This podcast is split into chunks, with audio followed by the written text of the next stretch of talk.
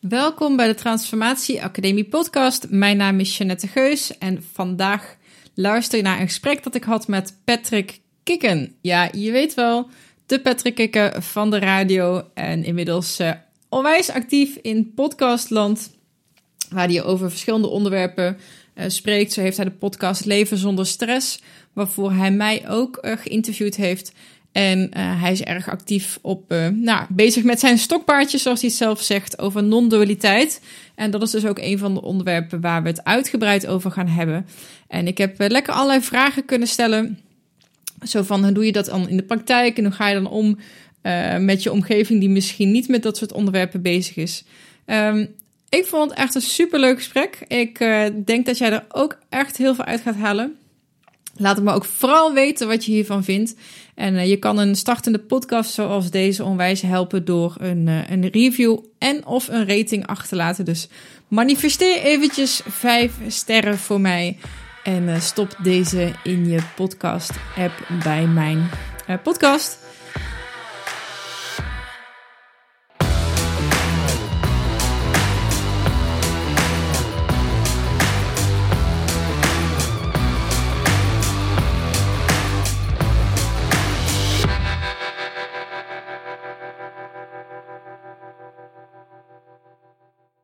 Verder wil ik ook voordat we aan het interview beginnen de sponsoren bedanken. Dat is Love Fit Food, het platform voor op een bewuste manier omgaan met voeding, lifestyle en mindset zonder, en training zonder allerlei bullshit.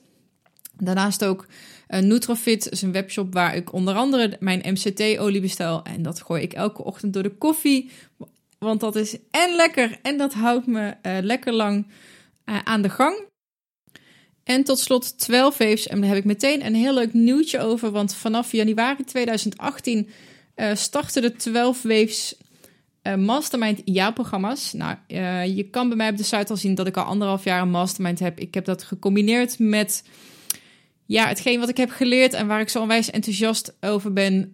Wat betreft 12 Waves als een training voor persoonlijke en zakelijke effectiviteit. En ik heb dat letterlijk gebruikt om alles wat ik wilde bereiken, zowel zakelijk als privé. En niet alleen daar een heel mooi plaatje bij het schetsen, een hele mooie droom over te hebben, maar echt hele concrete tools, tips en strategieën om dat in de praktijk uh, waar te gaan maken. Ik ben daar het levende voorbeeld van. En in dat jaarprogramma ga je samen met maximaal 10 andere mensen en mij uh, aan de slag om te werken aan jouw doelen, dromen en ambities. Uh, je krijgt een stuk training, er zijn workshops, mastermind rondes. We hebben uh, drie jaarlijkse meetups met andere mastermind chapters in Nederland. Dus het wordt uh, onwijs leerzaam, onwijs tof en uh, er gaan hele mooie dingen gebeuren. Dus mocht je daarin interesse hebben, neem dan eventjes een kijkje op mijn website. Het linkje zal ik hieronder bijzetten. Nou, dan ben ik alweer veel te lang aan het woord. dat was niet de bedoeling. Um, ik wens je heel veel plezier in deze podcastaflevering en ik spreek je heel graag volgende week weer. Tof dat je bent. Of dat ik eigenlijk bij jou mocht komen. Ja. Want we zitten in het appartement van je vriendin zelfs. Ja, die is er nu niet. Dus ik denk, we nemen de boel over hier. Alles verplaatst. En net een gesprek met jou opgenomen. Hè? Ja, hadden een tof gesprek. Ik uh, wist niet goed wat ik ervan moest verwachten. En ik wist wel dat je het over gezonde voeding wilde hebben. En dat je natuurlijk, uh, je bent zelf behoorlijk actief op een heel ander vlak. Dus ik vond het leuk, die mix. Ja. Um, Stel nou dat er mensen luisteren. Dus ik vind eigenlijk vind ik het een verschrikkelijke vraag om te stellen. Maar stel je nou voor dat er iemand zit te luisteren die denkt: Patrick Kikker, ik weet het niet. Uh, Zullen er genoeg zijn? Wil je jezelf even voorstellen? Ja, dat is meteen wel lastig, want ik ben eigenlijk niet meer wie ik was. Mm-hmm. Dat klinkt meteen heel filosofisch misschien, maar ik was tien jaar geleden op in 2007 de ochtenddisjockey bij Veronica. Daarna wel ook de middag gedaan en ik heb bij 3FM nog allerlei radioprogramma's gedaan daarvoor. Dus je zou kunnen zeggen, die naam kennen we van radio. Ik heb ook daarvoor nog, was ik een van de eerste in Nederland met een website, kikker.com, met allemaal grappige filmpjes en plaatjes. Ja, nu tegenwoordig ben ik blijkbaar podcaster en interviewer en heel erg geïnteresseerd in filosofie en spiritualiteit en lifestyle. Dus ik ben op een soort ontdekkingsreis, net als jij. Ja. Wat, uh, wat was de aanleiding daarvoor? Want het is een hele andere wereld van radio, naar ja, ontdekkingsreis uh, naar jezelf en naar spiritualiteit en bewustzijn. Uh, alhoewel, je zit nu nog steeds natuurlijk in een soort van radio. Mm -hmm. Wat was daar de aanleiding toe? Ja, ik denk dat het de zoektocht voor Jan en Alleman is. Je gaat het eerst overal zoeken in de wereld. Als je 15 bent, denk je, oh, als ik daar mijn brommerrijbewijs heb, dan ga ik me gelukkig voelen. En als je 17 bent, denk je, als ik daar mijn rijbewijs heb van de auto. En dan denk je, als ik daar op mezelf woon. En ik me voor het eerst samenwoon met iemand. Of misschien kinderen. Maar op een gegeven moment kom je er steeds achter. Ja, maar dat knagende gevoel van binnen zit er nog steeds. Terwijl ik alles heb. Ja, dan ga je verder op zoek. En dan ga je denken, ja, dan, dan maar de spiritualiteit in. Om te onderzoeken of het hem daar dan misschien in zit. Je zegt een knagend gevoel. Uh, kan, is dat een gevoel of zijn er dingen gebeurd? Of, of heel veel mensen lopen een soort in een burn-out-achtige mhm. situatie, uh, een knagend gevoel. Kon je, is er een exacte aanleiding of een exacte situatie of moment geweest waarvan je dacht van hé, hey, maar had je een eye-opener bijvoorbeeld die jou uh, dat inzicht gaf van hé, hey, dit is niet wat ik wil? Ja, dat dus tien jaar terug op het toppen van mijn kunnen uh, een soort van burn-out gehad. Ja, ik vind dat een breed begrip, want ja, burn-out. Ja, je, je, op een gegeven moment kan je gewoon niet meer. Ik kreeg een pieptoon in mijn oor, tinnitus. Ik denk, hé, hey, normaal had ik dat wel als ik ergens plaatjes zat aan draaien de dag daarna, maar dan ging het wel weer weg, maar nu ging die niet meer weg. Dus dat was wel zonde. Ja, en ook een relatie die toen overging, waar je dan heel veel last van hebt. Dan duik je al gauw in, op zoek naar medicijn. Hmm. Ja, dat maar de boeken van Eckhart Tolle en de cd's. Dus ja, dat is nu denk ik zo'n jaar of negen aan de gang, die, die zoektocht. En dat knagende gevoel laat zich het best omschrijven als een soort heimwee. Mm. naar iets wat je, ja, als kind was je gewoon, wat ik me tenminste kan herinneren, was je gewoon gelukkig. Maakt niet uit wat er gebeurde. Je kon wel plezier maken met een stokje en een blaadje. Hè? Dan was dat gewoon je bezigheid. Maar ja, ik ben steeds meer daarvan afkomen te staan. Dus je wil eigenlijk weer terug naar dat fijne gevoel wat je als kind had. Mm. En dat is dan, ja, de zoektocht. En wat, hoe, kan je ons even meenemen in die zoektocht tot nu toe? Wat, wat heeft het je gebracht? Of waar sta je nu? Ja, dat is een goede. Eh, dan zouden we zeggen, eigenlijk vanuit alles, iedereen die ik gesproken heb, ben ik eigenlijk nog geen millimeter opgeschoven. Want hè, de stroming waar ik dan uitkom, non-dualiteit, wordt gezegd: feitelijk reis jij nooit. Alles reist door jou heen. Mm Indianen stammen zeggen dat ook. Die zeggen niet: ik verschijn in de kamer. Nee, de kamer verschijnt in jou. Mm ja, ik vind dat wel een fijn uitgangspunt. Want dan hoef ik dus ook niet meer overal naartoe om het te zoeken. Dan komt het eigenlijk als het ware al een soort van naar me toe. Dus ik, ik, ja, ik heb me maar. Het kan ook zijn dat ik me er gewoon bij neer heb gelegd hoor. Dat ik denk van ja, nou, daar ben ik dus blijkbaar iets waar alles doorheen reist. En dan kan ik dus gewoon, gewoon rustig gaan zitten en kijken wat er langskomt. En nu is dat een Jeannette en morgen is dat uh, Pietje. En overmorgen is ineens een kermis verschijnt in mij. Snap je? Kun je daar iets mee? Ja, zeker. Ja, we, we hadden al gemerkt, we hebben best wel veel raakvlakken in hoe we naar de wereld kijken, uh, lijkt mij. Uh, ik heb zelf resoneert het niet bij mij minder om het te snappen, zeg maar. Mhm. Want we hebben het over gehad. Ik ben ook heel erg van, oh, ik wil dingen snappen, begrijpen. En het ontstaan in mij vind ik best wel lastig te, ja. te snappen. Nou, in mij als bewustzijn. Misschien dat dat iets meer... Ja. Je bent natuurlijk ook naar Jan Geurts geweest. Volgens mij refereert hij daar ook wel een beetje aan, hè? Ja, en wat ik uh, bijvoorbeeld in het, uh, de gesprekken tussen jou en Paul Smit en jullie boek bijvoorbeeld heb gelezen, en dat vind ik een mooie omschrijving daarvan, en dat hoor ik ook wel op andere plekken, dat alles is bewustzijn en wij zo'n uitingsvormen van bewustzijn. Ja, um, als poppetje. Als poppetje, ja. ja. Is, bedoel je dat met alles verschijnt in mij? Is dat hetzelfde principe? Nee, ja, als je dit als mij ziet, dan, dan verschijn ik in bewustzijn. Maar als je jezelf identificeert met de positie van waarnemendheid, zullen we maar zeggen, van datgene wat een wereld ah, mogelijk maakt, ja. dan verschijnt nu eigenlijk in het ene verschijnt een Jeannette, een Patrick, een microfoon, een laptop. En als je die dan min of meer identificeert met dat bewustzijn, met dat grote, ja, dan verschijnt alles in jou. Dus inderdaad niet zozeer in mij als poppetje, want dat, ja, dan, dat is, dat, ik kan me ook voorstellen dat dat verwarrend zou kunnen zijn. Ja, maar nu, nu snap ik hem. Ja. ja. Want jij bent niet uh, dit, ik hoorde dinsdag werd het omschreven als meat suit. Ja, vlees, lichaam. Jij bent niet deze, dit, deze zak met hond met vlees.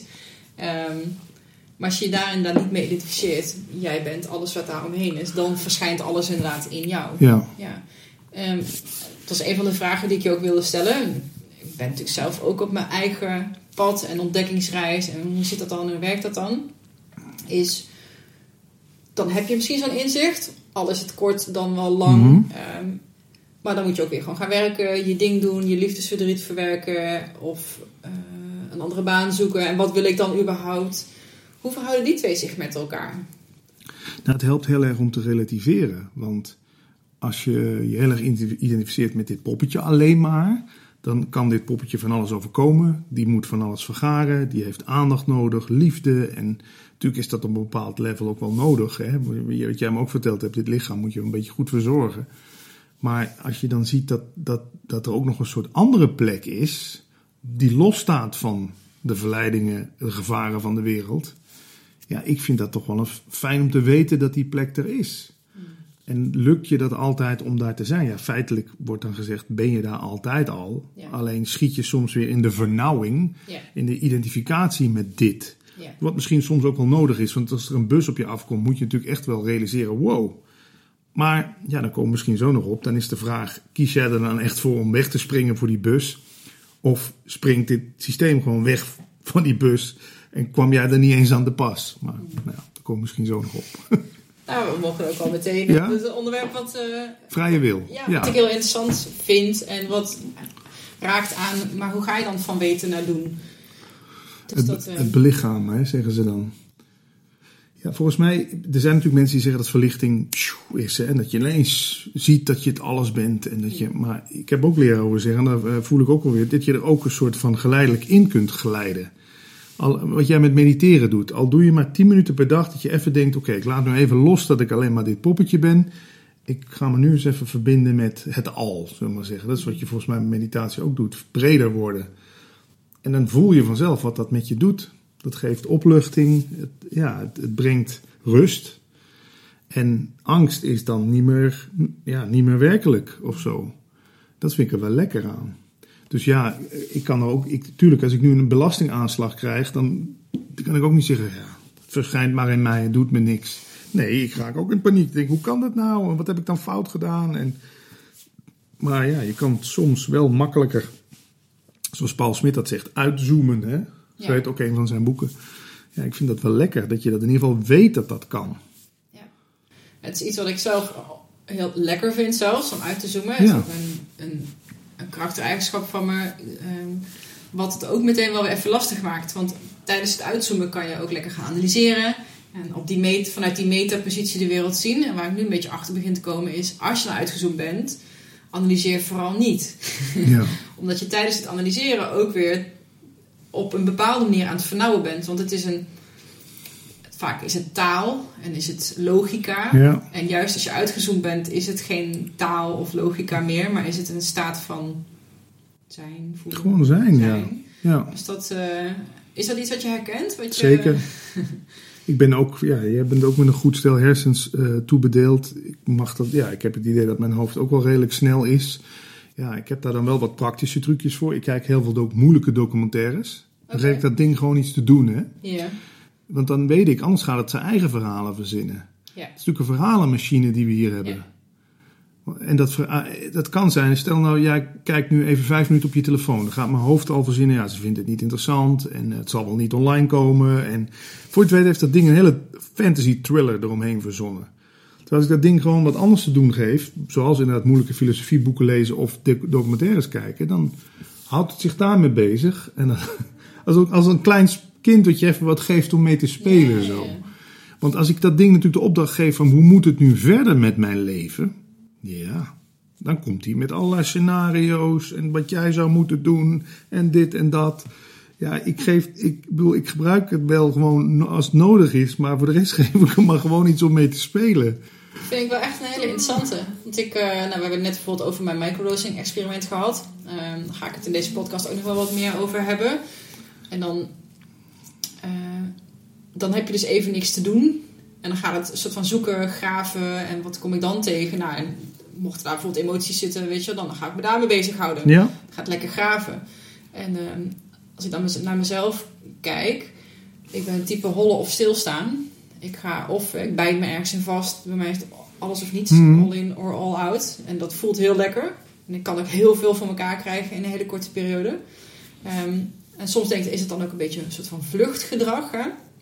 Maar dat is eigenlijk ook gewoon die verhalen vertellen wat te doen geven. Echt een doel en een focus Ja. geven. En, en dat voelt heel lekker. Dus je kan dan heel lang in een soort van flow Ja, zitten. Dat alles lekker gaat.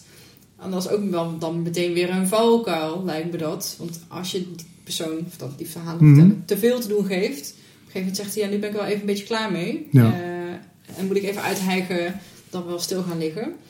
Eh, een hele lange manier om te vragen, hoe hou je dat in balans? Tussen, ehm, is dat iets wat je constant dan maar bezig wil houden? Of, of moet je dat dan ook wel eens niet doen? Want in mediteren geeft het eigenlijk niks te doen bijvoorbeeld. Mhm. Mm. En kan dat ook niet een soort van vlucht zijn? Of zie je het echt als, nou, dat die verhalenverteller, die, die is er. En die, die gaat toch zoeken, dus dan geef ik hem maar iets interessants. Eh, want dan wordt iedereen er beter van, misschien. Nou, je liet net een interessant woordje vallen, persoon. Dat is natuurlijk waar, we eigenlijk, waar heel veel mensen de hele dag mee bezig zijn. Persoonlijke ontwikkeling, de persoon, ik, de ik in ons. Ja. Maar wat nou als die ik gewoon ook een verhaal is? Een verhaal wat we ons de hele dag vertellen over onszelf. Ja. Ik ben zo oud, ik woon daar, ik doe dit, ik doe dat, ik moet dit nog bereiken, ik, ik, ik. Als je niet meer zo met die persoon bezighoudt, ik noem dat wel eens het kaartenhuis van de persoon, dan begint dat een beetje zo te wankelen. En als je geluk hebt, dondert dat kaartenhuis genaamd jouw persoon in elkaar. En dat is eigenlijk waar we het bangst voor zijn, want dan denken we, wat gebeurt er dan? Als ik niet meer weet wie ik ben. Ja, maar dan krijg je de ruimte om dat ding eigenlijk te gaan gebruiken voor nuttigere dingen dan de hele dag die persoon maar hoog houden. Want ja, daar zijn toch heel veel van onze acties en, en energie gaat daarin zitten. We hebben iets hoog te houden. We hebben iets, een naam waar te maken, een persona. Ja, en dat vind ik zo lekker dat ik daar. Ik ben daar ook nog wel mee bezig. Want ik zie Patrick Kikker ook nog wel een beetje als een soort merknaam. Maar ik kan me ervan distancieren. Ik kan denken, nou, nu even niet. Nu even daarmee niet mee bezig zijn. Want ik heb dat toch. Wat, wat heb ik nou een invloed erop wat jij bijvoorbeeld van mij vindt? Weet je? Ja, ik kan nu mijn beste beentje voorzetten. Maar ja, jij trekt toch je eigen conclusies. Ja. En ik merk als je hoe minder je dus zelf met je eigen ik, met je persoon bezig bent, dan begint het feestje eigenlijk pas. Want er kunnen oorspronkelijke dingen door jou heen gaan bewegen. Dan word je, ja, zoals ze soms wel zeggen, een soort instrument. Dan, dan kan je gewoon bespeeld worden door het bestaan. Weet je, dan kan dan, vertel geld, ja, zoals jij ook met je, hoe dat met die sport. Misschien heeft jouw ik in eerste instantie ook gezegd, ja, maar moeten we dat wel doen met die, met die kettlebell? Nu zeg ik het goed. Of wat gaan anderen daarvan vinden? En, en terwijl, ja, doordat je er ruimte voor maakte, kon, kon jouw lichaam dat gaan doen. Kun je daar iets mee? Ja, ja, zeker. Ik moest even aan een eh, voorbeeldje daarvan denken. Iets wat, eh, waar ik dan nog wat tegenaan loop. En ook wel mensen die ik ken. Op het moment je verandert. Je krijgt een andere manier van tegen de dingen aankijken. Mhm. Ehm, ik neem bijvoorbeeld heel veel minder dingen persoonlijk nu. Eh, nu bijvoorbeeld eh, in een zakelijke relatie. ehm, ja, dan komen soms dingen tot een eind of gaan een andere vorm aannemen. Of ehm, ja, dan kan ik heel erg denken, nou dat gaat over mij. Of ik heb het niet goed gedaan. Of eh, dan denk ik, nee, dit gaat helemaal niet over mij. Nee. Of als iemand anders, een, een vriend of vriendin met een probleem zit... eh, dat hij bijvoorbeeld niet durft te zeggen om een ander iets te kwetsen. Eh, stel dat iemand tegen mij iets niet durft te zeggen. Zo, ja, maar ik zou heel erg bang zijn dat je net dat dan vervelend vindt. Ehm, en dan kan ik dan heel boos worden en in de verdediging schieten. En dan gaat het helemaal niet over mij. Dan denk ik, ja, ehm, dat is jouw dingetje even. is wat het is. En het is, ik, het is niet persoonlijk. Ik voel me niet aangesproken. Ik voel me niet beledigd. Ik ben niet boos. Ik heb geen spijt. Jij hebt gewoon even jouw ding. Je vindt het moeilijk om tegen mij te zeggen. Dat is oké. En ja, net toevallig hier in de auto naartoe. Hadden bijvoorbeeld dingen. Mijn moeder wilde dan graag met me wat gaan eten. En dan eh, reageer ik heel kort. Is goed. Want ik zit in de auto. Ja. En super druk deze week. Dan denkt En dan zij, krijg je een bericht terug van, nou, dat is wel heel kort af, weet je wel. Dus oeh, je merkt dat er dan van alles aan opgehangen Ja. wordt aan interpretatie. Van, oh oh, ik krijg een kort antwoord. Ze vindt het niet meer leuk. Ze heeft er eigenlijk geen zin in. Dus aannames. heel veel. En jij doet dat niet minder. Maar goed, je bent ook gewoon een mens. Dus je doet ook nog gewoon je best. Ja, dat is ons ook aangeleerd, dat je alles moet interpreteren. En, eh, Ik ja. ben er ook mee bezig. Ja. Maar je omgeving is misschien nog niet zo ver. En dat zijn wel Ja. dingen waar ik, nu te- waar ik zelf niet tegenaan loop. Eh, ik mag ook niet van mijn Nee. omgeving verwachten dat ze het mag snappen waar ik mee bezig ben. Nee, als ik je dan een praktische tip mag geven, is afleiden. Gewoon, als je moeder dan in zo'n stuip schiet, want het is eigenlijk gewoon een soort verkramping waar ze in schiet. Ze maakt iets persoonlijk. Hé hey ma, weet je, je moet me toch nog eens een keer dat recept geven van die spaghetti die je altijd zo lekker maakt. Tenminste, ja, zo doe ik dat. Afleiden. Dan, schiet iemand, dan krijgt iemand niet de kans om daarin te schieten en daar verder een, een zaak van te maken. En dan gaat de aandacht van haar ook ineens naar, oh ja, spaghetti recept. Dat afleiden, want we weten allemaal, voor je het weet, is het is van dit, is het dit geworden. Dus gewoon, is, ik ga ook bijna nooit met de discussie aan met mensen. Dan, dan, dan doe ik gewoon, ik kom daar later op terug, maar ik moet nu op een feestje of zo. Ik kom daar later op terug, ik moet nu even ma helpen in de keuken. Ja. En dan is de angel er alweer uit. Ja, goeie tip. Want ik merk dat ik dan ga ik een beetje in strijd met Ja. mezelf. Van, goh, ga ik nu tussen aanhalingstekens buigen en Ja, dan ja, ja. doen wat van me verwacht wordt. En inderdaad een, even stoppen en een berichtje typen of Ja. pappen en nat houden, Ja, zeg ja, maar. ja. Maar dat afleiden vind ik eigenlijk... ik hoop, Dat luistert mijn- waarschijnlijk toch niet. Dat is maar- mijn manier. En dat kan op heel veel plekken. Dat kan op werkplekken, dat kan in situaties, zelfs met een politieagent. Je kunt mensen, en dan weet ik wel dat mensen zeggen: ah, maar wat is dat voor een smerig trucje? Mensen niet op het verkeerde been zetten. Nee, je zet mensen eigenlijk, ze staan op het verkeerde been, want ze willen oorlog gaan maken met jou. Ze willen die, die, dat ego wil zich uitspelen. Dat persoontje wil boksen, wil, wil iets wrijving met iemand. Want dan voel je ook echt dat je bestaat. Waarom voert Amerika zo graag oorlog? Dan voelen we ons weer Amerikanen, want het is ons tegen hun. Maar als je dat ons tegen hun eruit trekt en gewoon iemand afleidt, of het een politieagent is of een baas die lullig tegen je doet, dan verliest het ook zo zijn kracht. En dan zie je ze ook wel even zo van: oh ja, oké. En, en je zet iemand eigenlijk op het goede been. Je zet hem van het verkeerde been, zet je hem eigenlijk weer op het goede been. Gewoon weer vanuit liefde en verbinding met elkaar. Niet die strijd. Dus eigenlijk help je je moeder dan. Ja, toch? Want zij leidt er het meeste onder. Ja, want dat besef ik me ook, weet je wel. En in het begin, als zoiets gebeurt en je bent met je eigen ontwikkeling bezig... en je weet van, hé, hey, dit gaat niet over mij, dit gaat eh, over haar. Ja. Daarna gaat het over niemand meer, Ja. eigenlijk. Ehm, maar het is wat je zegt, daar heb ik haar nog niet mee geholpen. Want het feit dat mijn beknelling op is gelost... Ja. wil niet zeggen dat die van haar is. Sterker nog, die van haar wordt heel eventjes wat erger ook. Omdat zij niet snapt eh, dat ik zo reageer. Eh, alhoewel ik ook wel merk dat ik naar de andere kant toe aan het bewegen ben.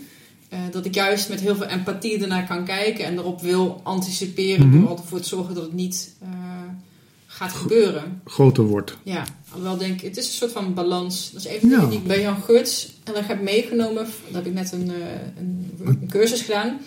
Dus dat er echt een balans is tussen. eh, aan de ene kant wil je je lijden opheffen. Mhm. Pijn is er altijd, maar leid je daar? Ja. Ehm, dus je wil, maar je wil niet wegstoppen. Dus er zit een balans tussen Mhm. het oplossen en het verdringen, zeg maar. Of Ja. het dissociëren van iets. En dit is volgens mij ook een balans. Het is altijd een soort van een tiptoe spelletje. Op een manier van, hé, hey, ik wil niet lijden, maar ook niet andere mensen kwijt doen. En Ja. is een soort van... Ja. Ja, Je moet alert blijven. Want je, inderdaad, ja, ik kan me ook, ook als je zelf moe bent, misschien schiet je dan wel weer ook zelf in die kramp en reageer je bot terug. En voordat je het weet heb je weer bonje. Maar ja, dan ben ik wel ook de eerste die altijd zegt: Sorry, ik had niet zo moeten reageren. En dan kom ik knuffel en het, Ja, is, precies. het is goed. Ja, je neemt verantwoordelijkheid voor... eh, want je ziet dat, dat die persoon er ook niks aan kan. Nee, en dat vind ik zo mooi. Ook aan, kom ik weer met mijn stokpaardje non-dualiteit. Maar daarin wordt gewoon gezegd: We zijn allemaal onschuldig. Weet je, de persoon is maar het verhaaltje achteraf. Een, een mens doet dingen, stomme dingen, goede dingen. En later komt, dat verhaal, komt die verhalenmaker erbij en zegt dat had je beter moeten doen, dat had je anders moeten doen. Of we zeggen over anderen dat ze het beter en anders moeten doen. Maar ja, het is maar het verhaal eromheen. Ja, je zei het al, nou moet, jij noemde het woordje identificatie. En jezelf niet met het poppetje identificeren. Hoe ehm, bereik je zoiets? Ja, het is een kwestie van afleren. Want bij mij thuis hangt het hele toilet ook nog vol met dingen die ik zogenaamd bereikt heb. Hè. Voor een sporter zijn dat zijn medailles. Nou, voor radiomaker is dat overal de keren dat je in de krant kwam met een actie. Tijdschriften, de drie boeken die ik heb uitgebracht, het cd, eh, een gouden plaat voor iets van een nummer wat ik ooit een keer gepromoot had. Dan denk je, oh, dat ben ik. Hè? Ja. Maar ik heb het niet voor niks op het toilet opgehangen. Omdat ik ook wel zie hoe, ik noem het ook gekscherend mijn ego-museum. Weet je, het is gewoon, het is gewoon een, ja, een soort opsmuk. Ja, hoe doe je dat? Het is, het is de dingen steeds minder persoonlijk nemen. Het is een kwestie echt van afleren. Als nu dit interview bijvoorbeeld, de, als stel dat het een rot interview of gesprek is, dan kunnen we elkaar daar de schuld van gaan geven, maar dan is dat gewoon zo. Maar eh, andersom moet je wel ook zo ver zijn dat je dan, stel jij wordt dadelijk wereldkampioen in, in Seoul. Het zou te gek zijn, maar pas op dat je ego er niet weer mee aan de haal gaat. En dat je dus gaat rondlopen de hele dag als de wereldkampioen. Ik vind dat, ik vind dat spannend, want dan kom jij. Dat, dat moet ook verdedigd worden weer, hè? Maar zou je dan ook niet mogen zeggen. Ik ben het met je eens hoor, maar zou je dan ook niet mogen zeggen van. Het feit dat we dat doen. eh, het is wat het is, alles is oké Mhm. zoals het is. Het is ook oké om je te Om- Maar. Als ja. je het maar net, als een, net als een kind van acht wat zegt: Mijn vader is de beste vader van Nederland, weet je wel? Ja, joh, ja, ja. Wat doet je vader dan? Oh, fantastisch. Eigenlijk als je er een beetje speels mee om kan Ja. gaan. Dat je eigenlijk ziet dat het Ja. maar gewoon spielerij. Hetzelfde als een man jou helemaal overlaat met complimenten over hoe je eruit ziet. Dan is het natuurlijk leuk om te ontvangen. Maar je weet ook wel van ja. Dat zeg je, dat is, wordt ook allemaal maar in het spel. Ja, als je het als een soort spel gaat zien. Net als je met Monopoly wint. Oh, weet je, aan het begin helemaal, ik heb met Monopoly gewonnen. Het is een spel. Ga niet de hele dag rondlopen als ik tegen iedereen op straat zeg: Ik heb gisteren met Monopoly gewonnen. Dan kijken mensen je ook aan. Oh, nou, gefeliciteerd. Oud ben je? 43? Leuk. Nou, ik vind het een hele mooie houding. Het, eh, eh, een, een luchtigheid, zeg Ja, maar. luchtig leven. De, de, de plezier ook in, en ook de, de absurditeit van wat we allemaal aan het doen zijn eh, inzien. Want zo belangrijk is het dan. Nee, het is natuurlijk maar. Zelfs Trump, die denkt dat hij nu de baas van de wereld is. Ja, Kijk je nog, eh eh, hou je nieuws? Ja, natuurlijk. Als je Een kijkt naar beetje. wat je doet. Maar... Maar ik zie Trump net zoals ik eh, Frank Underwood in de serie House of Cards zie, die de, die de president speelt. Trump speelt natuurlijk ook gewoon president. En dan weet ik dat mensen zullen zeggen, ja, maar als Trump op de knop duwt, hebben we wel een derde wereldoorlog. Ja, maar ja, en dat zelfs zien als, nou dan is dat wat er gebeurt En is dat wat er misschien nodig is? om de eh, balans weer te herstellen. Ja. Of ja, we weten natuurlijk ook zoveel niet. Voor hetzelfde geld, dat hoorde ik, het heeft laatst iemand gezegd, best wel een, een eh, rijke man. Die heeft gezegd, de kans is best wel groot dat wij gewoon poppetjes zijn die bestuurd worden door mensen op een andere planeet. Dat het gewoon virtual reality is hier. We weten het niet. Ja. Dus ik, ja, ik, ik vind altijd. Tuurlijk kun je zeggen, ja, maar jij doet alsof het allemaal niet echt is. Nee, maar ik vind het mooi dat er een tegengeluid is tegen mensen die dit allemaal heel erg serieus nemen. Ik denk zelfs dat het een hele gezond... Want als het allemaal wel echt is, zeg maar. En heel serieus Ja. en heel moeilijk Ja. en heel Ja. zwaar. Dan durf je niks heel, meer. eh, dan, dan gebeurt er wel niks meer. Nee. Dus volgens mij is het de enige mogelijke manier om, als het gaat over gelukkig zijn of tevreden zijn of eh, alles maar niet in een burn-out schieten, is om het juist allemaal maar gewoon ja, speelser te bekijken. Dat. Ja. En eh, met tijden kun je ook wel doen alsof je het serieus neemt. Want als jij naar een recht, stel je krijgt een rechtszaak aan je broek. Ja, ik snap ook wel als je in die rechtszaal gaat staan van, oh, is toch allemaal maar een lolletje. Maar dan doe je gewoon even alsof je het allemaal heel serieus neemt. Maar in feite weet je achter eigenlijk, van, weet je gewoon beter dat het allemaal maar gewoon een spel is. Een van de andere dingen die je zei die me triggerden, ehm, dat ik me dan ga identificeren als zijn de wereldkampioen. Ehm, ik merk ook dat dat wil ik totaal niet, bijvoorbeeld. En ehm, ik ben niet de internetmarketeer, ik ben niet de kettlebeller, ik ben niet de foodfotograaf, ik ben niet de docent.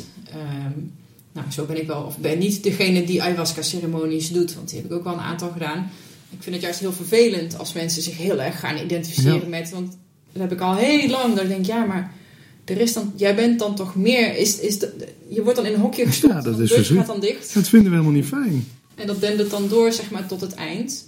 Ehm, maar dat maakt, ook, je, dat maakt je ook een beetje losvast, fluïde, zoekend. Ja. Daar zit ik dus nu dan in. Dan vind ik het een beetje onzeker, Ja. spannend. Al- Alles wat normaal je ego in stand houdt, al die Ja. labeltjes die op je geplakt worden, die zijn bij mij nu heel veel weg. Ja. Letterlijk zelfs. In de zin van geen huis, geen baan, eh, geen spullen. Het maakt je ook heel kwetsbaar. En ehm, Maar die, zijn, die kwetsbaar, soms ook minder weerbaar. Maar dat is natuurlijk niet hetzelfde. eh, weerbaarheid en kwetsbaarheid. maar die kwetsbaarheid, wij zijn allemaal zo kwetsbaar. Alleen jij durft dat eerlijk toe te geven. En, en de rest, zeggen we dan nog maar even niet als waardeoordeel, doet, is die hele dag die kwetsbaarheid aan het verhullen. Met maskertjes en met ideeën van, nou, ik heb mijn zaakjes goed voor elkaar. En die lopen ook een beetje zo. Maar misschien zijn wij wel die kwetsbaarheid die jij nu hier durft te laten zien. En ben jij nu weer in een soort vrije val geraakt waar we allemaal in zitten? Alleen jij durft dat hardop te benoemen en ook voor jezelf te realiseren. Van, je weet toch, als je hier naar buiten loopt en breekt daar een tak van die boom, dan was het dat. Dus, maar wij denken dat we nog honderd jaar leven en zo richten we onze levens ook in. Ja, Het is een, een schijnveiligheid om te denken dat je bent je baan en je hebt je baan en je bent je huis en je hebt je huis en eh, je vriend en je vriendin ja. en je geld en alles. eh, maar dat is net zo onzeker als dat ik nu leef Ja. eigenlijk. Ja, alleen. tak die... eh, Ja, Ehm, ja, de naam van de podcast, de Transformatie Academie. Ehm jij hebt natuurlijk zelf dan die transformatie ondergaan. behoorlijk ja. Ik vind het soms een moeilijk woord, transformatie. Want het lijkt alsof je eh, ja, in een totaal ander iets moet Mhm. zijn ge- gemorfd, zeg maar. Van, vlinder naar, van rip, rups naar vlinder. Ja, Jan Bommeres. Ja, Eh, maar wat, is, wat betekent het woord transformatie voor jou? En is dat iets wat je op jezelf zou plakken? Dat is een van de labeltjes. Ja, ik ben natuurlijk, als je mij tien jaar geleden had gesproken, had ik hier alleen maar zitten opscheppen over welke eh, bekende sterren ik allemaal gesproken heb. En eh, hoe goed mijn radioprogramma scoort. En eh, dat ik een dure BMW rij. En hop, ego praat. Ja, dat is nu niet meer aan de hand. Dus daar, in die zin ben ik wel getransformeerd. En ik, dingen zijn ook helemaal niet meer belangrijk. Waarde van een spijkerbroek die ik koop. Vroeger moest dat een spijkerbroek van 100 euro zijn. Ja, nu. Ik ben blij dat ik er een voor 13 euro bij de Vibra vind. Dat vind ik, en als die me goed staat, is toch prima. Dus dat vind ik wel een behoorlijke transformatie.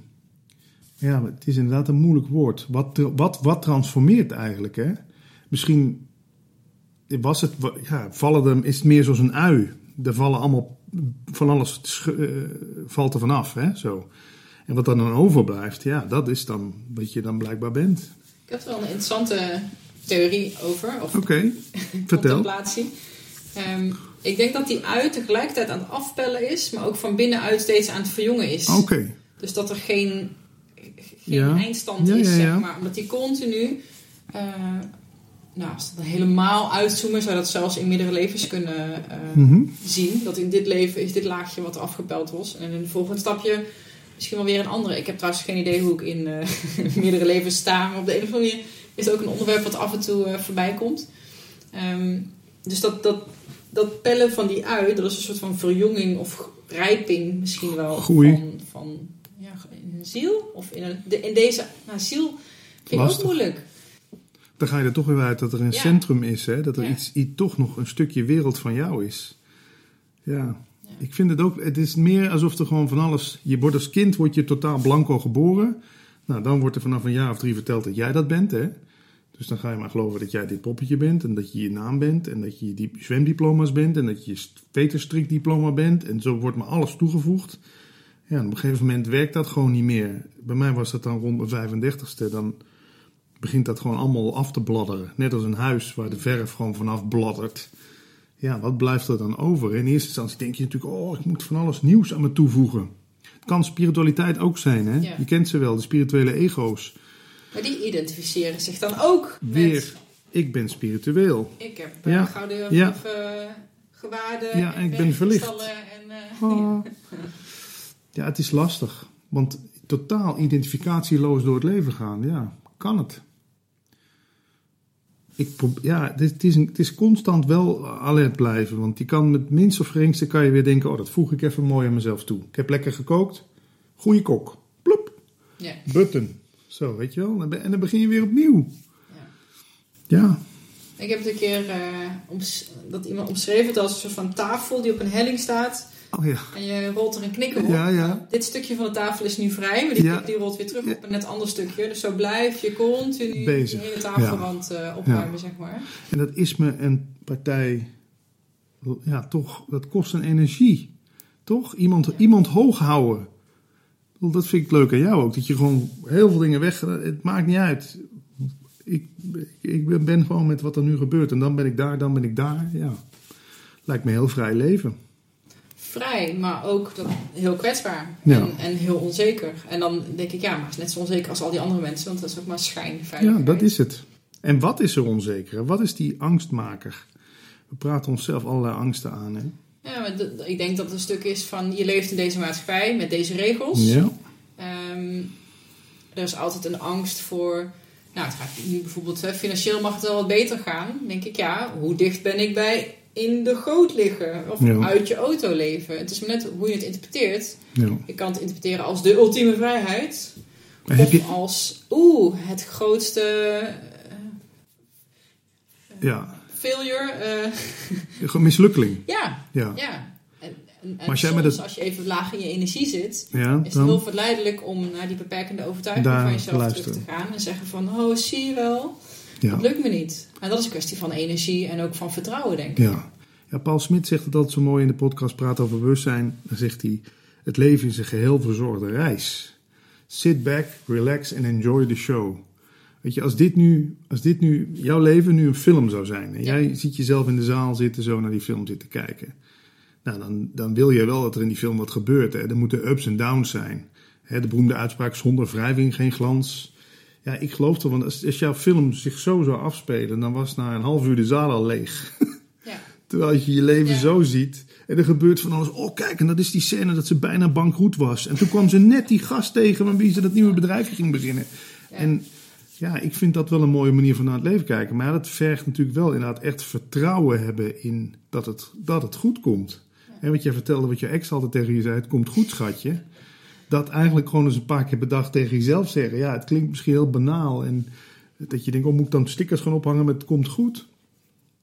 Of het is al goed. Hè, jij zei in een andere podcast die ik van je luisterde, zei dat je die uitspraak zo mooi vond van eh Ab Dijksterhuis. Geluk is heel graag willen wat je al hebt. En die is volgens mij al heel Ja, oud, die is maar- ook niet van Ja, hem, maar die ja, heeft ja. hij weer eh, eh, opnieuw in zijn boek gezet. De, de keu- kiezen voor de keuze die voor je gemaakt Ja, is. Gewoon- Ja. Volledig. En er zijn, mensen, er zijn verhalen bekend van mensen in Auschwitz. Een psycholoog die daar zat. Ja, Er is ook een boek eh, van. Franco? Ja, Gelezen. ja. die daar helemaal. Ja, en dat, dat ik denk, ja, wij zoeken het altijd in de omstandigheden. Hè? De goede laptop, de juiste kwaliteit drinken, goede kleren. Het is allemaal wel leuk. Ik bedoel, ik ben ook graag in een warm huis dan buiten in een doos. Maar niet denken dat die omstandigheden echt heel veel extra geluk aan je gaan toevoegen. Geluk is echt iets van, dat heb ik wel geleerd, wat van binnenuit komt. Gewoon. Geluk is wat je meebrengt naar het feestje. Want als ik hier gelukkig binnenkom, maak ik jou misschien ook weer een stukje gelukkiger. En dan, ja, dan wordt dat geluk alleen maar meer. We denken natuurlijk heel erg in termen van economie. Oh, dus geluk moet je vergaren. En dat moet je dan beschermen en bij je houden. En misschien werkt het wel andersom. Is er, eh, want we hebben het net ging het even over kwetsbaarheid. Ehm, is er ook een moment geweest waarop jij, want eh, nou, ik moet het eigenlijk anders inlichten, dat hele pad van die spirituele ontdekking en lezen en Mhm. proberen, dat is niet alleen maar een stijgende lijn, kan ik me voorstellen. Ik kan me heel goed voorstellen dat je ook eventjes je neus hebt moet stoten of een verkeerde kant op bent gegaan om te beseffen van, hé, hey, eh, inderdaad, dat geluk zit in mij. Ja. Ja.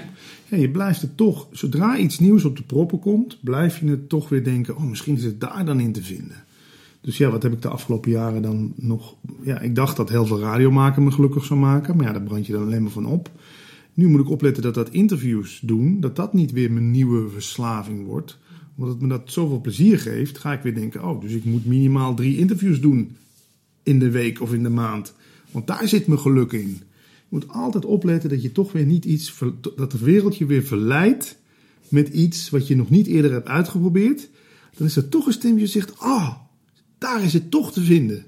Dus dat, dan ook dat het is dat mensen op zoek zijn, maar wat is dan mijn passie? Wat is mijn Ja. talent? Dat je denkt, oh, misschien is want ik heb één talent nodig. Ja. Ik heb één passie nodig. dat je het daarom doet. Ja, het zou kunnen. Ja, ik weet wel dat dat praten en dat interview me wel vrij goed afgaat. Ik heb ook nog wel eens gedacht, ja nee, maar als je eenmaal dadelijk eens een keer heel sportief wordt en je valt 10 kilo af, dan is dat het hem. Maar ja, ik weet inmiddels denk ik, ik hoop dat ik beter weet dat, dat het wel iets toevoegt. In de wereld, de wereld, dat de wereld jou gelukkig moet maken is gewoon een farce. Maar dat wordt ons wel iedere dag natuurlijk door reclame verteld. Koop deze horloge, koop die MacBook, dan word jij gelukkig. Dus dat zijn we gaan geloven. En ik, ja, dus ik, heb, ik stook mijn hoofd ook nog regelmatig door te denken dat iets of iemand anders mij gelukkig kan maken. En waar denk je dat dat vandaan komt? Dat, dat, dat we zo geprogrammeerd zijn en dat zoveel, want het is een universeel probleem. Probleem, een universeel Ja. verhaal eigenlijk. Ja, toch weer dat ego, wat zegt plezier vergaren, pijn vermijden. Hmm.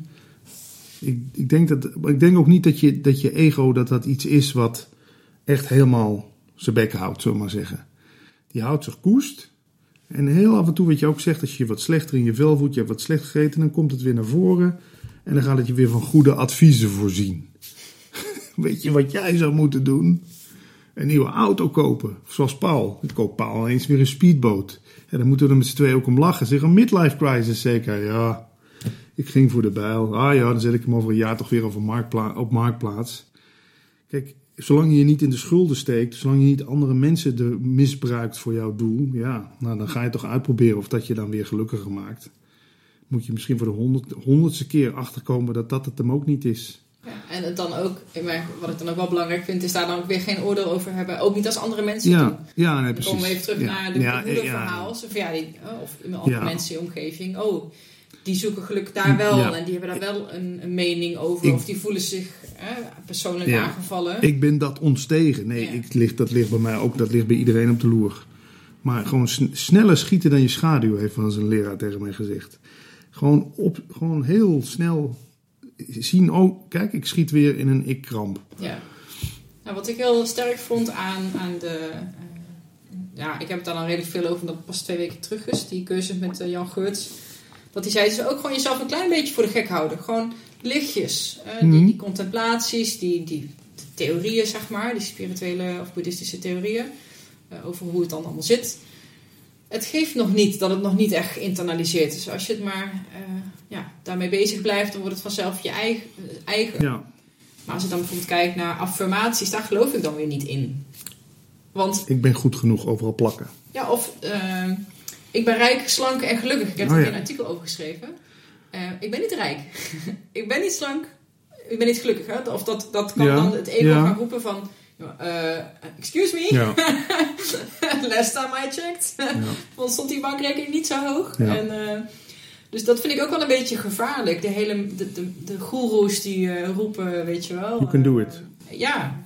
Want ja, mensen motiveren. Maar ergens gaat er ook een inner rebel opstaan die zegt... ja, maar wacht even, dat kan helemaal Dat is helemaal niet zo. Nee, dan vervang je eigenlijk een negatief zelfbeeld door een positief zelfbeeld. Maar het blijft een beeld. Ja. En ik hoef maar drie, hoeven maar drie mensen op een dag tegen jou te zeggen dat je, dat je inderdaad lelijk bent of wat dan ook. En dan, oeh, dan begint dat beeld er weer te En dan komt die andere stem, zie je nou wel? En dan dat duiveltje en dat engeltje op onze schouder. Hè? Dus ja, wat ook wel eens een lerares tegen mij gezegd heeft, zegt, bemoei je gewoon niet met jezelf. Vind ik ook een mooie. Ga uit de weg, weet je wel. We, zit, we zijn ons de hele dag met onszelf aan het bemoeien. Dat is toch ook, ja, ik vind dat toch leuk. Als, als iemand anders dat met ons zou doen, als wij met onszelf zouden samenwonen in huis, dan hadden we al lang diegene de deur uitgeschopt die zich de hele dag met ons aan het bemoeien was. Maar intern doen we dat wel. Hè? We laten gewoon iemand in ons wonen die de hele godganse dag kritiek op ons heeft, goed bedoelde, ongevraagde adviezen geeft. Ja, geef hem inderdaad gewoon wat te doen. Geef hem gewoon hier. Ga jij maar bezighouden met eh, WordPress ontdekken. Ja. Blijkbaar, want dit ding kan ook niet. Het denken start altijd vanaf een negatief startpunt. Dat denken volgens mij kan niet, kan niks met de uitspraak alles is goed zo. Wacht eens even, we moeten toch van A naar B. Er moet toch een, een pad, er moet toch iets te bereiken, te halen zijn. Dat- je eens gehoord van de term de default modus netwerk? nee? Eh, dat is dan een neuraal netwerk wat we hebben. De DNS. Is het DNS? Nee. Default modus. Nou, anyways, maakt niet uit. is dat ehm, op het moment dat we niet een taak hebben, niet, of niet gefocust zijn, dus een neurale activiteit, terwijl eigenlijk zijn we niets aan het doen. Mhm. En dat is de activiteit, dat is dat ego wat op zoek is naar gevaar en oh jee. En Scannen. continu Ja. scannen. En dat is dus evolutionair eh, ontwikkeld om ons in leven te Ja. houden. Want we zijn, wat is het, tien keer meer gevoelig voor negatieve prikkels dan voor positieve Ja. prikkels. Zoiets, ik weet de exacte verhouding Goed niet. nieuws is geen nieuws. Hè, We moeten altijd weten wat er aan de hand is. Ja, want dat is voor ons, Overleving, ja, ja. absoluut. En, ehm, eh, en dat dus ehm, eh, meditatie, dat netwerk dus minder actief ja. maakt. Ehm, Het stelt je gerust, een soort van. ja, zou het dat zijn? Dat het ook een, een overtuiging is? Ik dacht dat het misschien ook wat te maken had met ja, hersengolven. Ja, dat kan ook, ja. Een bepaalde rust in je hoofd Ja. eh, is. Ja, ik vind het zo mooi als ik in bad stap, dan overvalt me ook dat gevoel van... Hè, alles is oké, ik word gedragen. En Ja. Misschien heeft dat nog wel met de baarmoeder te maken. Ja, zoveel in ons cellen zit opgeslagen inderdaad. Hè, van vroeger nog op de savanne. Dat we moesten, eh, iets wat ik ook zo mooi vind, als wij niet bij de groep, vroeger niet bij de groep waren, hè, dan waren we verloren. Dus dat vinden we een van de ergste dingen nog steeds. Als we uit de groep gestoten worden. Als iemand je ontvolgt op Facebook. Nou, daar worden oorlogen over uitgevoerd. Maar dat triggert blijkbaar iets bij ons. Gevaar. Ik hoor er niet meer bij. Dadelijk raak ik alleen en overleef ik niet. Terwijl het natuurlijk gewoon digitaal is. Maar dat bij de groep horen, dat is ook zo'n... Daarom conformeren we ons allemaal maar, hè? En dat is volgens mij ook waarom een social media zo verslavend Ja. is. Want dat is onze clan. Ja. En we moeten continu... Oeh, gaan we met mijn clan? Ja, ja. Gaan we Hoor ik er nog bij? Jee. Ja. Ja. Ja, het is, het is, maar dat, daarom is dat oerbrein bepaald dan ook zo vaak heeft. Zo interessant, hè? hoe dat toch constant door gestuurd worden. Gevaren, inderdaad, tekorten. Ook daarom, al die marketeers spelen, spelen er allemaal zo slim op in. Hè? Van drie halen, twee betalen, schaarste inspelen op dat we maar ons blijven volstoppen en voorraadje opbouwen. En, wat je eigenlijk zegt, wat jij hebt geleerd... In de, hoe lang ben je al daarmee bezig? Ik weet niet hoe oud je nu bent. Ik ben 43 en ja, die- jaar. ja.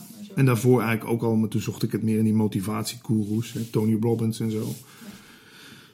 Geleerd om ook niet, ja, maar wat jij zegt, dat heb je ook in ons interview zo mooi gezegd, met eten, dat is zo sterk in ons, hè, dat, dat overlevingsmechanisme, dat, ja, je moet, je moet heel alert blijven, wil je niet constant in die verleiding stappen, dat je wel denkt dat het allemaal heel erg echt is. Ja. Je noemde een paar keer eh, leraren, leraressen. Heb je, en, ja, natuurlijk. Eh, heb je bepaalde voorbeelden of, nou, ik zal niet zeggen goeroes, Nou, leiders die, of boeken die je misschien aan kan bevelen die jou eh, veel inzicht hebben gegeven? Eckhart Tolle, ik zag jou op Instagram ook met de kracht van het nu. Ja, Dat is natuurlijk het- wel voor velen het boek. Maar ik had meer aan die DVD die hij heeft uitgebracht. Die kost ook maar 15 euro of zo. De Vindhorn Retreat heet die eh, DVD. Het is een dubbel DVD met een boekje. Kost volgens mij maar iets van 15 euro op, op eh, Bol. Is, is drie uur materiaal. Nederlands ondertiteld. Nou, dat heeft me, die heb ik misschien wel twintig keer gekeken. Ja, en ik interview zelf heel veel mensen, eh, ook spirituele leraren en zo. En ik pik van iedereen wel iets op. Het zit hem vaak ook niet zozeer in de woorden, maar in de rust die van die, die mensen uitstralen. Hè? Dat je denkt, wauw. dat vond ik overigens bij Jan Geurts ook heel fijn. Eh, want je zit daar met 50 mensen, dat is op zich niet heel groot. Mhm. Maar gewoon zien hoe hij reageert als iemand in een kramp schiet of moet huilen of een vraag stelt. Ja. De, totaal niet op de inhoud eigenlijk ingaan. Misschien zelfs nog wel een beetje doorprikken, doorvragen. Ja. Ehm, misschien al lastige vragen stellen. Van, oh, Mhm. was dat dan bij jou? En eh, wanneer was dat dan? En hoe voelde dat dan? Maar eigenlijk dat hele inhoudelijke stuk loslaten. En gewoon kunnen zien van, oh, weet je, dit is een stukje ego. Dit is hoe je dat proberen toe te dekken. Nu komt het even los. Kan je dat aanraken? Nou, dat doet dus een beetje pijn. En hij zegt eigenlijk ook dat wat die de rest van jou dan zei. Ja, back off. Laat het gewoon maar met rust. Ja. Want ehm Ga uit de wat moet weg. Ja. Ja. Wat ik van Eckhart Tolle mooi geleerd heb, is die heeft het dan over een soort pijnlichaam in ons. Hè? Ja, Dat vind ik... Vind je dat een lastige? Ja, want hoezo pijnlichaam?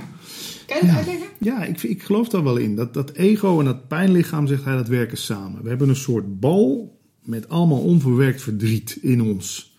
Bal, weet ik het, ja, we gaan het geen geest noemen, maar in ieder geval iets wat zich opgeslagen heeft ergens in je buik of zo.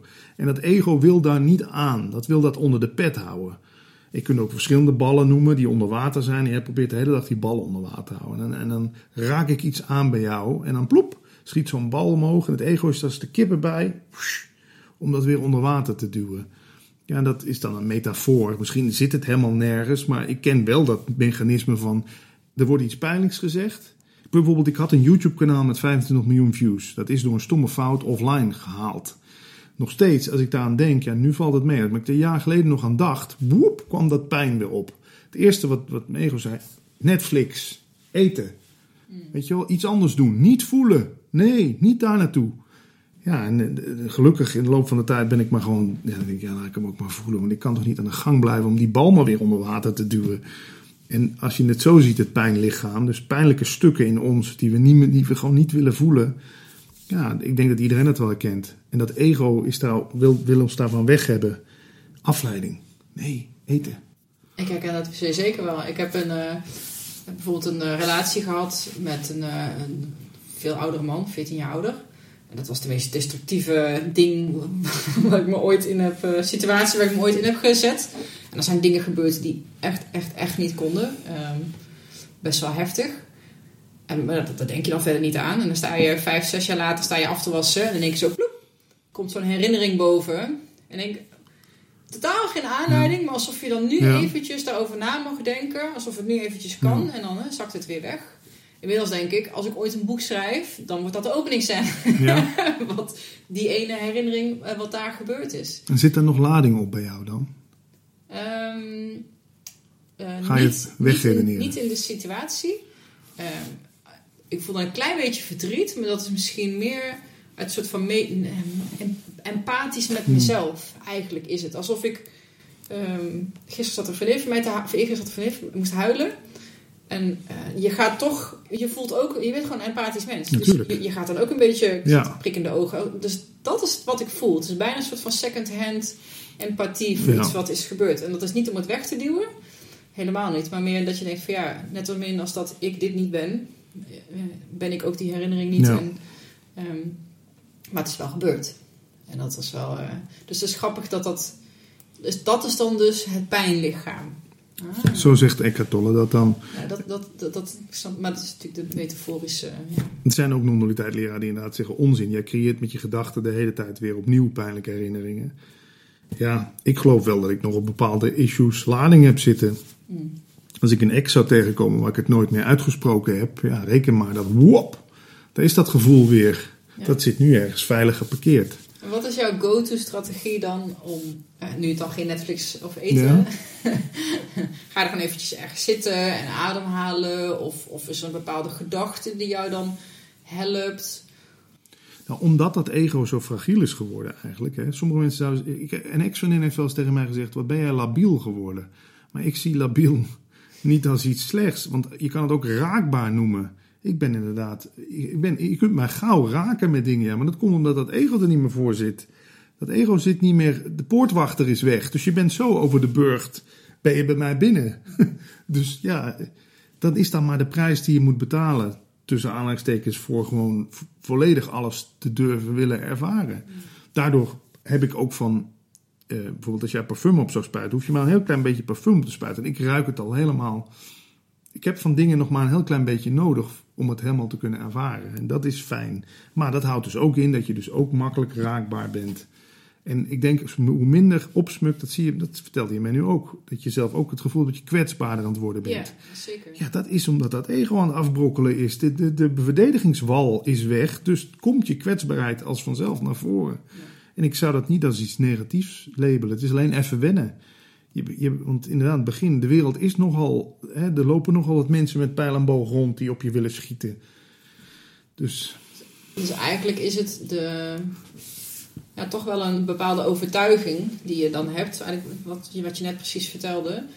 Dat, uh, dat is jouw waarheid en jouw overtuiging. En die maakt ervoor van hé, hey, dan voel ik dat pijn of verdriet. Ik ga het niet wegstoppen, maar dat is dan oké. want dat is het gevolg van minder gedreven door, minder me identificeren door ego. Want ik vind taal wel belangrijk. Ja. Volgens mij hebben we nog steeds ego. En is ego, dat zal ook nooit verdwijnen. Nee, maar dat is wel... Je, je kan je er minder mee identificeren wellicht. En er minder aanplakken. Ja. Want als jij nu een labeltje moeder, misschien daarom die post-its ook vandaag, die ik tijdens ons interview gebruikte. Ja, je had heel veel ja, hier liggen ze nog. Ja, als je het ego zo ziet, hè, dat je dus je plakt moeder, en dan plak je. Moeder, maar nee, maar stel je zou het zijn en je plakt er nog een post-it aan met de wereldkampioen. En, en ik in mijn geval uh, bekend. En weet je wel, zo. En dan is mijn, is mijn ego weer lekker stevig. Maar dan is, komt er één iemand die zegt tegen mij: Jij bekend, je bent al twee jaar niet meer op de radio. Nou, hup, gaat die er al af. Die valt als vanzelf eraf. Moeder ben ik ook niet. En voordat je het weet, moet ik weer, oh, dan moet ik weer opnieuw gaan beginnen met allemaal ja, ik ben daarmee gestopt. Ik ga niks meer. Ik wil, ik want ik heb ook jarenlang gedacht, nog een website, nog een radioprogramma. Ja, op een gegeven moment word je horendol natuurlijk.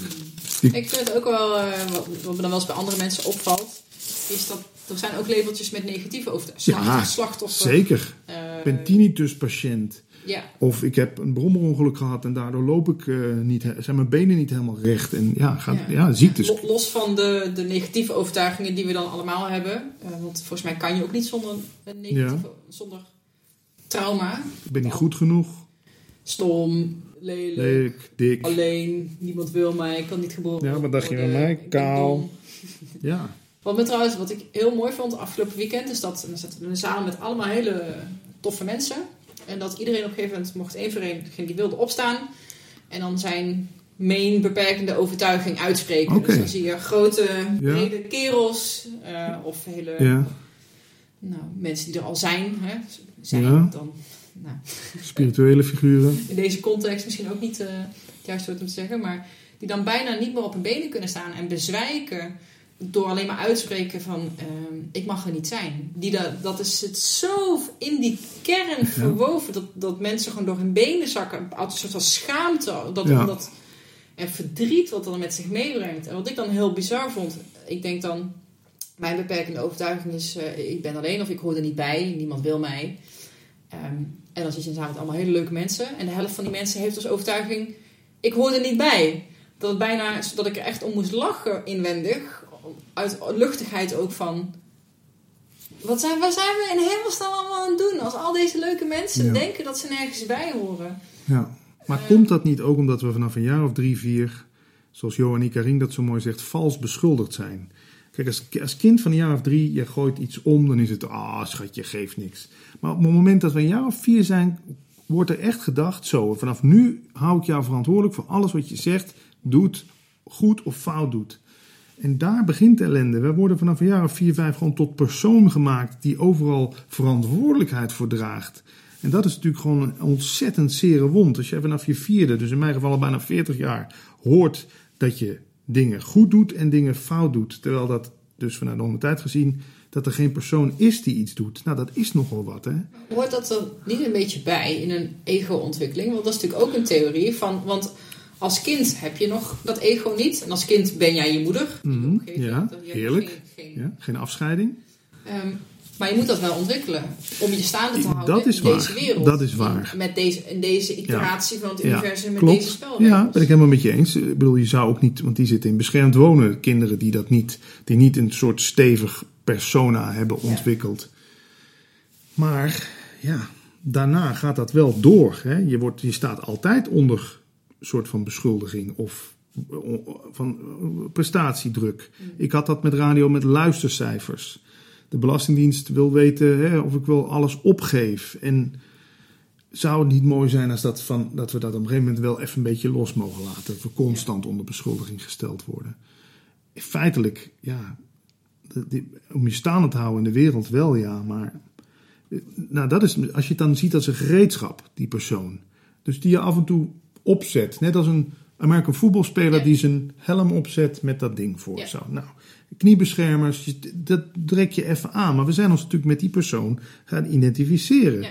omdat iedereen dat ook zegt. Je bent wat je doet, je bent wat je eet, je bent wat je zegt. Daarom vind ik dat nu met die MeToo-discussie ook. Weet je, dat dan zo'n Kevin Spacey, die wordt helemaal weggevaagd. Omdat hij dus dingen gedaan heeft in het verleden die niet door de beugel kunnen. Maar veroordeel dan de handeling. Waarom is de, is de mens dan meteen afgeschreven? Ik, ja, dat heb ik natuurlijk zelf ook meegemaakt. Dat ik gewoon, bij de radio is dat ook zo. Je bent zo goed als je laatste radioprogramma, wordt dan gezegd. Ja, hallo. Ik heb het 21 jaar gedaan. Mag ik dan ook niet trots zijn op 10 jaar geleden of zo? Nee, nee, je bent zo goed als je laatste radioprogramma. Ja, ik, dat, dat is wat me. Ik denk dat dat voor heel veel mensen. Dat idee dat je nooit goed genoeg. Je kan het ook nooit goed genoeg doen.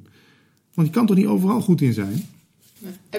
Kan je het nu van jezelf zeggen, of heb je de overtuiging dat je wel goed genoeg bent? dat is een goede vraag. Op aantal vlakken wel, maar inderdaad nog op vlakken als waar je vroeger zelf veel commentaar op hebt gehad. Lastig. Ja, ik vind, ik vind dat lastig. Want ik heb bijvoorbeeld, ik zoek, ik snak nog een beetje naar de bevestiging van mijn vader. Weet je, heb ik mijn auto heel mooi gepoetst. Dan loopt hij mee naar de auto en dan doe ik de kofferbak open. En dan zegt mijn vader echt van, ja, maar die kofferbak, dat is nog een zootje. Dus je hebt het weer niet 100% goed gedaan. Ja, ik denk eerder dat ik me er gewoon maar bij neergelegd heb van ja, je doet het toch nooit 100% goed. Maar Zit dan de verlossing niet daar? Dat je eh, ook zo'n opmerking van je vader dan niet veroordeelt of niet eh, Klopt. ziet als dat is een projectie van hem, Ja. wat niet over jou Nee, gaat? dat kom ik dan wel in het maar dat moment. duurt even. Als je in de auto zit, denk je weer van oké, dat gaat niet over mij, het gaat over hem. Ik bedoel, vaak, als hij tegen mij zei als kind van... jongen, als jij zo doorgaat, kom jij in de goot terecht. Dat was zijn overtuiging. Als ik zo doorga, kom ik in de goot terecht. Maar dat, ja, dat, dat duurt even voordat je door hebt dat, dat, bijna de helft van de wereld alles op jou zit te projecteren. Hè? Op een gegeven ik ben best wel goed gelovig. Als nu drie mensen tegen mij zouden zeggen van... weet je waar jij goed in bent? In afwassen. Hé, hey, misschien moet ik dan toch maar afwassen. Ja, ik zeg, geloof dat gewoon. Dat is natuurlijk ook als je jezelf niet meer definieert. Dan kom je nog eens tot verrassingen. Laat zei iemand tegen mij, je bent een provocateur. dacht ik, ik googelen, wat betekent provocateur? Ik denk, zou ik dat dan zijn? Ben ik iemand die graag uitdaagt? Ja, dat klopt eigenlijk wel. Moet ik meteen opschrijven. dan, hebben, dan zijn het weer labelen, ja, labeltjes. Maar leuk, want dan weet ik weer van... oh, dan is het dus blijkbaar het jasje wat ik nu moet aantrekken is provocateur. Oké, of dat heb ik blijkbaar aan nu. Ja, ik vind dat wel... Ik vind het, als je jezelf niet definieert en je laat anderen je af en toe definiëren... nou, dat is toch... Zolang je het maar inderdaad als een spel ziet. Ik ga niet nu zelf nu... Want ik ben nu toch ook helemaal niet provocatief met jou. Dus Waarom zou ik dan een provocateur zijn? Zo kunnen we nog uren doorlullen. Hè? Ja, ik heb één, oh, een prangende vraag. Laatste vraag. Spannend. Nou, ik weet niet of het laatste is, maar uh, ik hou me dan bezig met lifecrafting. Je leven... Of lifestyle design. Design. Uh, probeer je leven vorm te geven zoals je dat zelf wil. En ik, ik zie dat nog wel eens als... Soms lijkt het te wrijven met een non-duale levensinstelling. Mm um, hoe zie jij dat? Denk je dat wij ons leven zelf kunnen vormgeven? Goeie vraag. Um, ja, dan kom ik toch uit, denk ik, met um, waar komt het vandaan? Hè? De ingeving, zoals jij, om je huis te verkopen. Je, je hebt het wel gedaan in het verhaal, maar waar kwam die ingeving vandaan? Die heb je toch ook eigenlijk maar cadeau gekregen, toch? Die is, die is ineens in jou verschenen, zo van, ik ga mijn huis verkopen. Kan je wel heel sterk zeggen dat jij dat gedaan hebt, dat jij dat, je leven dus nu zo aan het vormgeven bent. Maar je weet ook hoeveel dingen daarvoor nodig waren, zodat dat kon of zo. Hè? Dus ik, ja, ik denk dat we toch eerder overgeleverd zijn aan de omstandigheden. En dat, wat je, dat, dat je daar dan het beste van maakt, ja, dat is ook een soort levenshouding, lijkt mij. Dat je niet bij de pakken neer gaat zitten, dat doe jij ook niet. want je staat nu niet van, oh, het is mislukt. Nee, je blijft het proberen. Ik hoorde vrouwen tijdens het lezing zeggen van, uh, ja, nou, en dan mislukt iets. En dan uh, is je droom in duigen. Nee, je droom is niet in duigen, nee. je droom is helderder. Ja. Want je weet wat het niet is. Ja. Grote ogen. Oh, oh, ja. ja. Maar dat is een levensinstelling, denk ik. Ja, wanneer is iets mislukt? Ja, niet. Nee. Dat zijn wel lessen. Je leert er toch van. En inderdaad, ja, als je je auto in puin rijdt, ja. Dan is dat wat er gebeurt. Ja, ik weet het. het is... Maar ga er maar aan staan. Ik ben met je eens, als nu de, dit huis zou affikken, ja... Kun je daar dan bij staan en zeggen van ja, nou ja, dan is, dat moest dan blijkbaar gebeuren. Dat is wel wat Edison deed. Ja? Ja, toen zijn fabriek afbrandde. Met duizenden ja. prototypen. En die zei, nou, fijn. Opgeruimd staat netjes. Ja.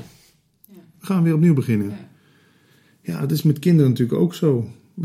Die bouwen de hele dag een zandkasteel. Die draaien zich om en de zee spoelt het zandkasteel weg. Nou, ik heb er toch plezier in gehad.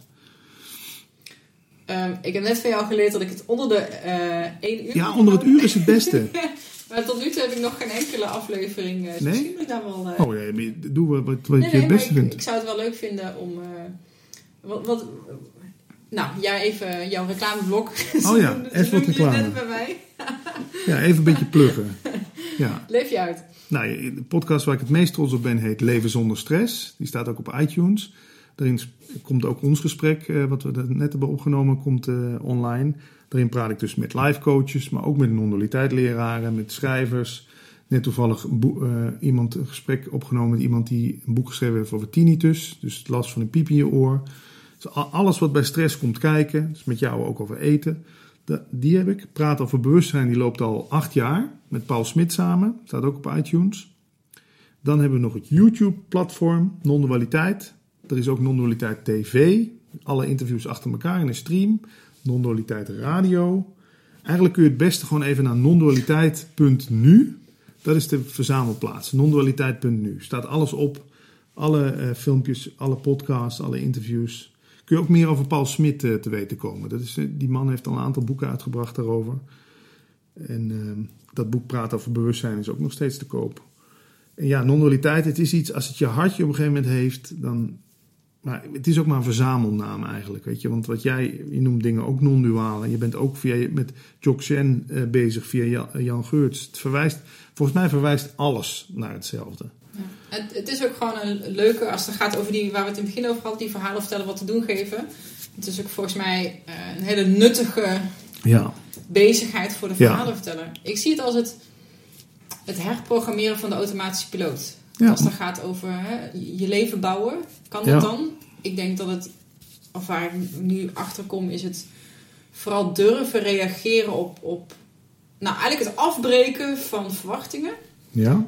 Um, waardoor je dus makkelijker mee kan gaan met wat er op je pad komt. En dat is dus niet zozeer als ik ga iets bouwen, als wel ik ga iets afbreken eigenlijk. Waardoor het dus uh, meer soepelig. flow, soepeler. Ja. Uh, en ja. Als je dat niet doet, volgens mij is dat een burn-out. Dan verzet je je. Ja, want dan, mm, nee, oh, maar ik moet dit huis en ik moet dit. Maar, maar eigenlijk voel je aan alles dat dat niet is wat je moet doen. Ken je die uitspraak van Bruce Lee? Be like water, my friend. Oh, ja. Ja, water beweegt zich natuurlijk overal tussendoor. Hè? Vloeibaar, je noemde het zelf volgens mij ook zo. Jij bent ook vloeibaar. Je wordt steeds vloeibaarder. Je gaat op in de, in de oceaan, of hoe je het wil noemen. dat... Waardoor je dus ook dan komt er iets voorbij wat je aandacht trekt en waar je denkt: wauw, dit is een fantastische kans. Zet die stap. Ik had toen mijn huis verkocht, dat is natuurlijk hartstikke lastig en eng. En de, de, de middag dat de makelaar in de tuin zat, hè, om het allemaal te bespreken, ehm, kreeg ik en een bod op het huis, wat, wat heel hoog was, nog voor het te koop stond. Um, en, um, was het dat? Ja, volgens mij kwam er een, uh, nee, ik kan niet het bod maar toen wilde er iemand in mijn mastermind groep. Dus uh, je maakt een lastige financiële keuze, maar dan een bold action. Aan de andere kant worden we ook bold beloond. Met iemand die dan met jou zo'n jaartraject in, uh, in wil. Dus van, ja, je moet ook gewoon risico's nemen en stappen maken. Ja. En vloeibaar zijn. Ja. Ja. Sorry, ik stamp je. ik heb trouwens toch nog wel één vraag. Ja, nee, natuurlijk. we kwamen laatst kwam we een meneer tegen. We hadden een, een uh, boekpresentatie, lancering. We gingen ons kookboek of, uh, laten zien. Uh, Fit Food Made Easy was dat nog. En toen kwam er een meneer naar ons toe en die zei... Nou, wat mooi dat jullie een boek uit hebben gegeven. Ik wil ook een boek uitbrengen. Ja, de mensen kunnen waarschijnlijk niet op de camera zien. Maar die, meneer die was zo met me aan het praten. Ja, ik ga ook een boek schrijven over ontwaken. Ik, oeh, dat is heel moeilijk om dat ja. zo te staren. Ja. Die, die was er niet echt, zeg maar. Die was afwezig. Aan de achterkant van ja. zijn hoofd of zo. Over wakker worden. Hmm. Want uh, ja, meer mensen moeten wakker worden. Terwijl ik stond met Mike en we altijd iets van ja, maar. Hij moet wakker worden. Ja. en dat is ook wel een beetje, misschien hoort dat ook wel bij als je met spirituele thema's bezighoudt. Je kent natuurlijk ook de, misschien was hij wel schizofreen of had hij een andere ja. uh, geestesziekte denk, oeh, uh, zo wil ik niet worden. Nou, als dat wakker worden is, laat mij dan maar gewoon lekker hier in deze droom uh, ja. ronddabben. Dus dat is ook wel een beetje eng. Zo van, wat zit er dan aan die andere kant? Nou ja, dat, is dat iets waar je, wat je herkent? Of dat noemen ze de Advaita Shuffle. Daar is een naam voor. Advaita is het, het Indische woord voor, uh, voor non-dualiteit. Dan ga je dus een soort van terugtrekken uit de wereld. Hè? Ja. Distancieren, dissociatief ga je zo, doet me allemaal niks en uh, dat is toch nog niet echt. En ja, dat, dat, dat, dat is een valkuil. Daar kan je heel lang in zitten. Dat je inderdaad alles maar gaat wegvijven, niet echt, niet echt, doet me niks, doet me niks. En die blik had die man dus totaal. Ja, dat is altijd zo van. Ja. Nee, volgens mij zit juist veel meer erin. Want als jij toch ziet dat het maar gewoon een spel is, dan durf je er toch ook volledig 100% in te storten. Want ja, uiteindelijk kom je toch als er al een eindstreep is, hoef je daar niet zonder kleerscheuren aan te komen. Want je weet toch dat het allemaal maar gewoon spielerij is. Nee, ik, ja, let daarvoor op inderdaad. Dat je je niet helemaal... Dat ja, het is niet een soort van de meest zenstaat die je maar kan bereiken. En dat je als nou, soort over de wereld heen zweeft en dat niks je meer raakt. Voor mij niet. Nee. Nee. Daar hoef je niet bang voor te zijn. Volgens mij uh, ben je er ook veel te nuchter voor. Dat is toch weer spirituele, spiritualiteit als identiteit aannemen. Hè? Ja. Ik ben dit overstegen.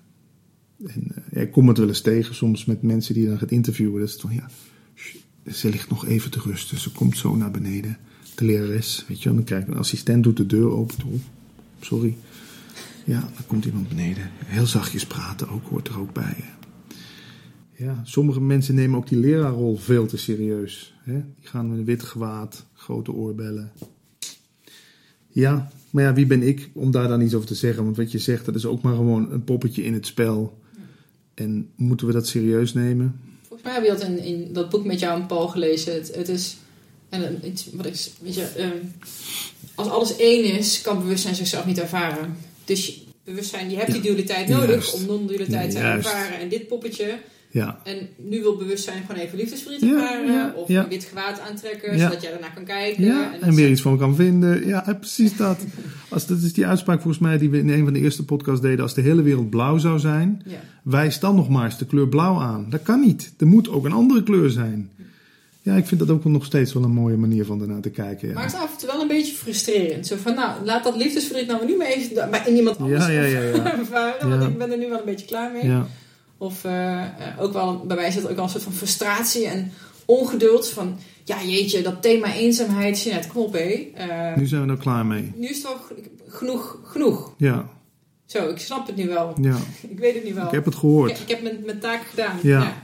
Maar ja, dat, dat, zo werkt het natuurlijk. Ja, dan is er frustratie wat er is, zou Paul Ja. dan zeggen. En dan ja, kijken we maar weer naar die frustratie. Hè? En dan, ja, het is wel, je kan niet, het is natuurlijk een medaille met twee kanten, koud en warm. We kunnen niet alleen maar warm. Ik, ik zei laatst nog tegen mijn vriendin, ik ben toch eigenlijk blij dat ik in Nederland woon. Waarom? Ja, we hebben hier vier jaargetijden. Als het, want nu zijn wel mensen te klagen, het wordt weer koud hè. Ja, maar als het het hele jaar door 25 graden was, zou het toch ook super saai zijn. Klagen sowieso de meest... Nutteloze exercitie, ja.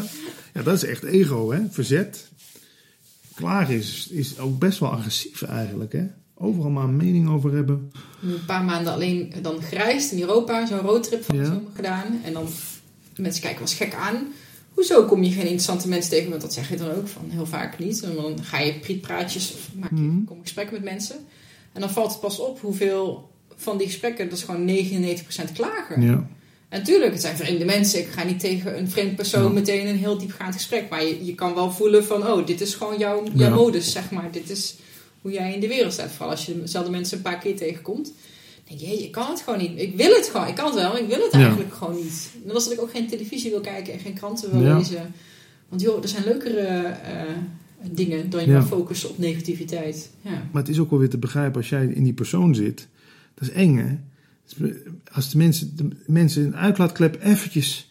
Oh, even, even klagen. Dat ik even, even niet over mezelf hoef na te denken hoe slecht ik eigenlijk ben.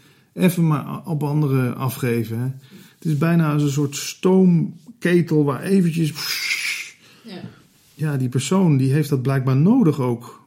Dat is, ja... Terwijl in geen mening verblijven, dat wordt in Nederland als iets stoms gezien. Hè? Je moet toch er wel een mening over hebben? Waar staat dat geschreven? Waarom moet ik overal iets van vinden? Ik vond dat altijd wel lastig. Het, is, het hangt bij mij bijvoorbeeld tussen geen mening of te veel standpunten kunnen zien. En Waardoor je overal, dus automatisch geen mening hebt. Omdat er altijd in iemand zijn optiek... Heeft hij het goed ja bedoeld? natuurlijk, Kan hij er niks aan doen? er is niet één waarheid. Misschien heeft iedereen wel gelijk. En dan worden mensen heel boos. Ja, maar Nee, hij, dat- zij heeft nee. mij zo behandeld. En Ja. daar kon hij echt wel wat aan doen. En dat bedoelde hij Ja. fout. Nou, zo zijn hele families eh, vallen Ja. uit elkaar volgens mij. Die gaan er kapot aan, ja. Maar ja, dan afleiden gewoon. Dan zeggen, ik moet even... Ik ga daar zo met je over verder, maar ik moet nu even naar de auto. En dan zijn ze het alweer vergeten. Die houden we erin. Ja, Afleiden. Ik ga er ook een eind aan breien. Ehm, mensen weten waar je kunnen vinden. Ik vond het leuk. ik ook. Dankjewel eh, Jij ook. dat ik hier mocht zijn. Dat ik ook in jouw eh, podcast Ja, mocht komen vertellen. Dus dankjewel. graag gedaan. Dat was hem. Dankjewel voor het luisteren. Ik eh, waardeer het echt enorm dat je naar mijn eh, podcast aan het luisteren bent. En als je dit nou een toffe aflevering vond, deel hem dan ook vooral via de social media kanalen. Maak er bijvoorbeeld een screenshotje van die je in je Insta-stories kan delen. Vergeet mij dan ook niet daarin te taggen. Vind ik echt hartstikke leuk. Volgende week staat er een heel bijzonder interview klaar. En eh, daarin interviewt Maaike mij over mijn ervaringen tot nu toe met ayahuasca. En ik kan alvast beloven dat het een heel openhartig, heel intiem en heel persoonlijk eh, verhaal gaat zijn. Dus eh, best wel een beetje heel erg spannend ook om dat eh, de eter in te, slingen, in te slingeren. Maar ik denk dat er mensen zijn die hier echt wat aan zullen hebben. En tot slot, om af te sluiten, wil ik onze sponsoren nog een keertje bedanken. Dus Love Fit Food, bedankt voor de steun. Hetzelfde geldt voor Nutrofit, de webshop en 12 Waves. Ik spreek je heel graag volgende week.